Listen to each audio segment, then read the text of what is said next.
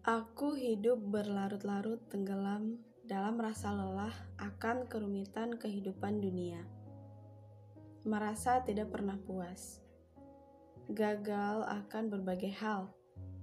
Melawan persaingan yang sering membuat tertekan. Hingga kondisi mental yang tidak stabil. Namun tunggu dulu. Setelah aku perhatikan, sebenarnya bukan hanya kondisi mental kita yang tidak stabil, tapi dunialah yang begitu. Tidak ada kata pasti untuk berbagai hal yang akan terjadi, berbagai hal yang akan kita hadapi dan terasakan di dunia ini. Semuanya tidak pasti. Pagi ini mungkin semua terasa buruk. 15 menit berikutnya tidak ada yang menyangka kalau kamu tiba-tiba mendapat kabar gembira. Sebuah email masuk menyatakan kamu diterima bekerja di perusahaan yang kamu lamar setelah penantian yang panjang. Atau tiba-tiba seseorang yang sangat kamu rindukan menelpon dan mengajak untuk bertemu. Atau lagi, kamu mendapat inspirasi tak terduga dari sebuah video pengembangan diri yang kamu temukan di YouTube dengan judul 5 cara terbaik untuk self healing. Ya, yang terakhir itu adalah kabar gembira yang aku temukan.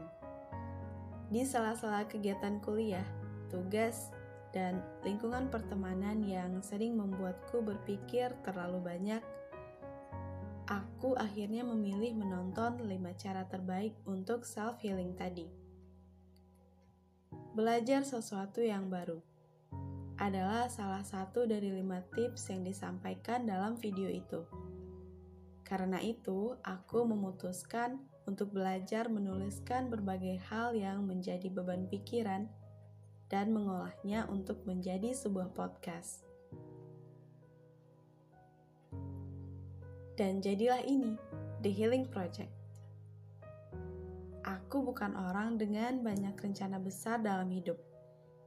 Dalam berbagai kesulitanku, yang aku yakini adalah terus belajar dan mencoba hal yang baru adalah pekerjaan yang tak akan pernah sia-sia.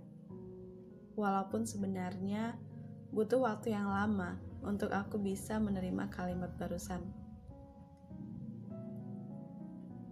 Kegiatan-kegiatan lain yang aku pilih sebagai bentuk self-healingku akan kuceritakan satu persatu di sini, sambil belajar berbagai hal agar menjadi diri yang lebih baik lagi.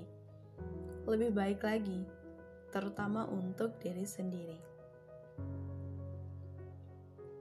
Terima kasih untuk yang sudah memutar podcast The Healing Project dan mendengarkan episode pertama ini. Sampai ketemu lagi. thank you